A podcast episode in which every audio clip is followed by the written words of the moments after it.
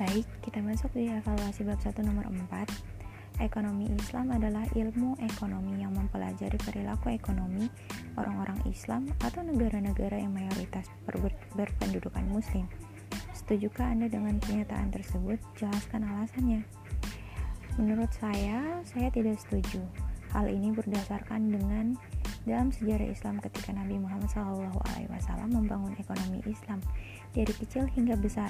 Dalam ajaran Islam pun menekankan kesejahteraan di dunia maupun di akhirat. Dan semua ini tidak hanya dirasakan oleh umat muslim saja, tetapi semua umat manusia yang ada di dunia.